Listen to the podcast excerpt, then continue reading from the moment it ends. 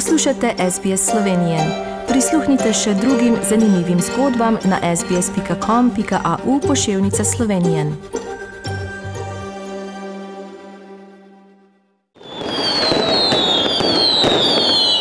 Za novo leto si želim, da bi bili vsi srečni in zdravi. Želel bi, da bi zginila ta korona nekam, da bi ljudje spet normalno zaživeli in se bi po- povrnili tiste stare čase. veliko uspehov, pa zdravja, pa da bi te epidemije bilo pač že enkrat končno konec. Stopili smo v novo leto in takšne so bile želje slovencev. Predvsem, da se epidemija konča, je bilo slišati. Kljub temu pa smo z novim letom stopili tudi v peti val epidemije, ki ga zaznamuje naglo širjenje različice Omikron. Zaradi razmer so odpadla silvestrovanje na prostem. Gostinski obrati so sicer lahko delovali, vendar so gostje morali predložiti test PCR ali hitri test. Tudi želje gostincev so bile po težkih dveh letih precej predvidljive. da mine tisti COVID, da lahko delamo normalno, da su ljudi e, zdravi, srećni i da naslednje leto slavimo s 500 ljudi. Napetosti v družbi zaradi epidemije pa ne pojenjajo niti v poprazničnem času. Profesor farmacije Borod Štrukelj, ki je v medijih redno pojasnjeval potek epidemije, je bil v preteklem tednu žrtev fizičnega napada. Potisnjen ob zid jo je ob napadu dveh nasprotnikov cepljenja odnesel z udarcem v hrbet in strgano bundo.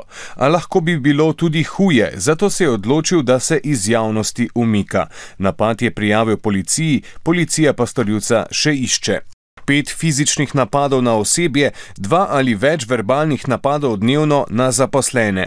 To pa je statistika Ljubljanskega kliničnega centra, kjer so dnevno v stiku s policijo. Matjaš Tavčar, vodja varnosti v naši največji bolnišnici.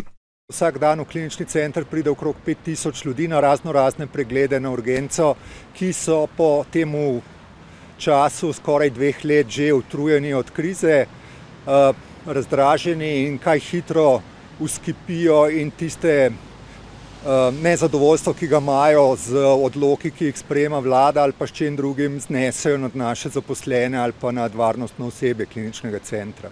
Tako da od začetka krize smo imeli nekako 2000 posredovanj varnostne službe, eh, približno 400 krat je morala posredovati tudi policija. Pozitivne novice pa prihajajo iz gospodarstva. Slovenija se je po uspešnosti spopada z gospodarskimi vidiki zdravstvene krize na lestvici, ki so jo pripravili pri britanskem tedniku The Economist, uvrstila na drugo mesto med 23 izbranimi članicami OECD. Pred Slovenijo je le Danska.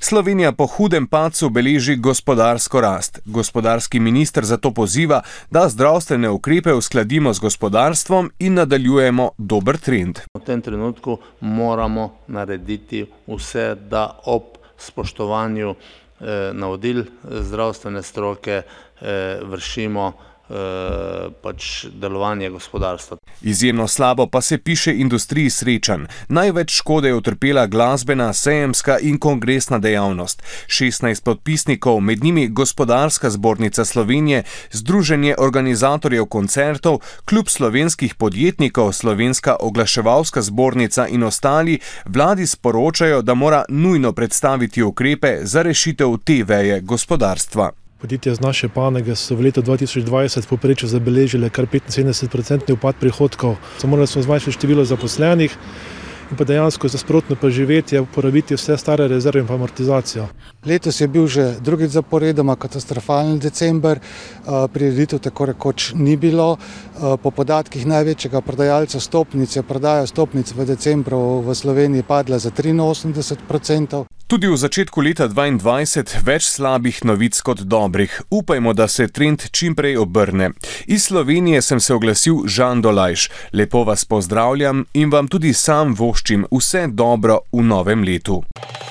Želite slišati sorodne zgodbe? Prisluhnite jim preko Apple ali Google podcasta, preko aplikacije Spotify ali kjerkoli drugje.